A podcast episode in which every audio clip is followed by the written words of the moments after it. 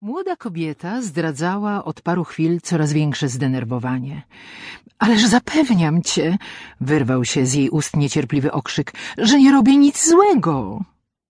Siedzący naprzeciw czterdziestoletni szpakowaty, wygolony mężczyzna o rozumnej i energicznej twarzy lekko potrząsnął głową.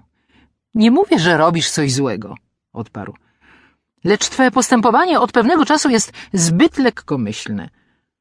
Te ciągłe dancingi, zabawy z przyjaciółkami. Wczoraj znów wróciłeś nad ranem. Ach, tak jakoś się złożyło. Może. W każdym razie nie o takiej marzyłem żonie. I ty jeszcze przed paroma miesiącami byłaś inna. Słowa te zabrzmiały dość ostro w luksusowo urządzonym gabinecie. Rozmowa toczyła się pomiędzy czarującą, złotowłosą panią Lili Ordecką i jej małżonkiem Aleksandrem, wicedyrektorem jednego z towarzystw akcyjnych stołecznych. Snać pani Lili poczuwać się musiała do winy, bo powolutku podeszła do wielkiego klubowego fotelu, w którym zajmował miejsce jej mąż i oparłszy się, jęła go delikatnie głaskać po włosach. — Nie gniewaj się, Olku wybiegł z jej ust cichutki szept. Ja się zmienię, poprawię.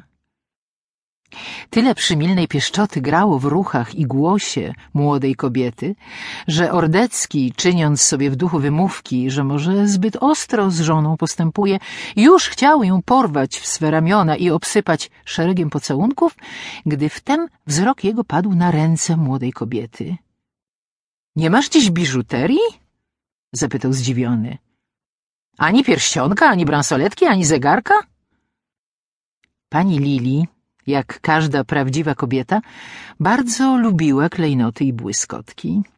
To też otrzymawszy kolejno od męża piękny, parokaratowy, brylantowy pierścień, następnie kosztowną platynową ze szmaragdami bransoletkę i nie mniej cenny zegarek, nie rozstawała się z tymi błyskotkami nawet na chwilę.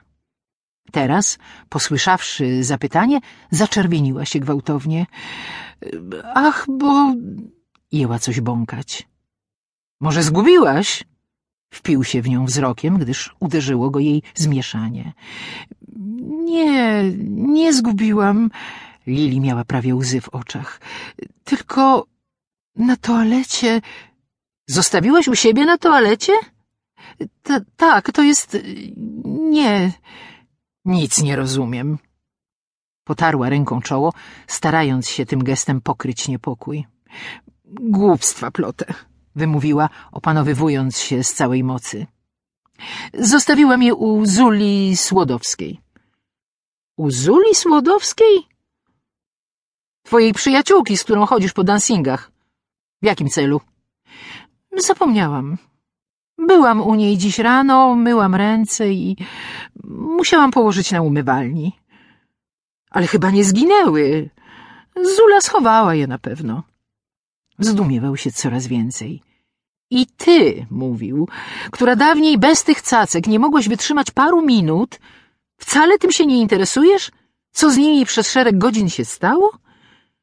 Powiadasz, że pozostawiłaś je rano, a teraz Spojrzał na zegarek. Blisko siódma wieczór.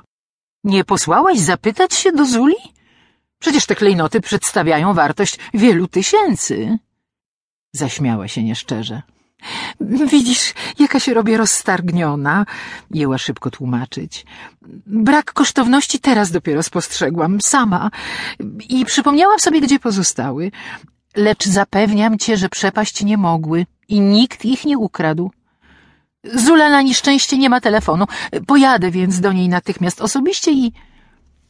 Choć całe tłumaczenie się pani Lili wydało się Ordeckiemu dziwne i mało prawdopodobne, nie śmiał oponować. Może zresztą żona nie kłamie? Może istotnie przez roztargnienie pozostawiła biżuterię u przyjaciółki? Czy mam pojechać z tobą? zapytał. Nie, nie, odrzekła prędko.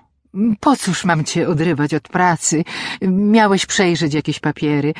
Załatw swoją robotę, ja za pół godzinki najdalej powrócę. To razem wyjdziemy na spacer. Bo Lili od dziś stanie się bardzo grzeczna i nigdzie swojemu panu i władcy wieczorami uciekać nie będzie. złożyła na jego czole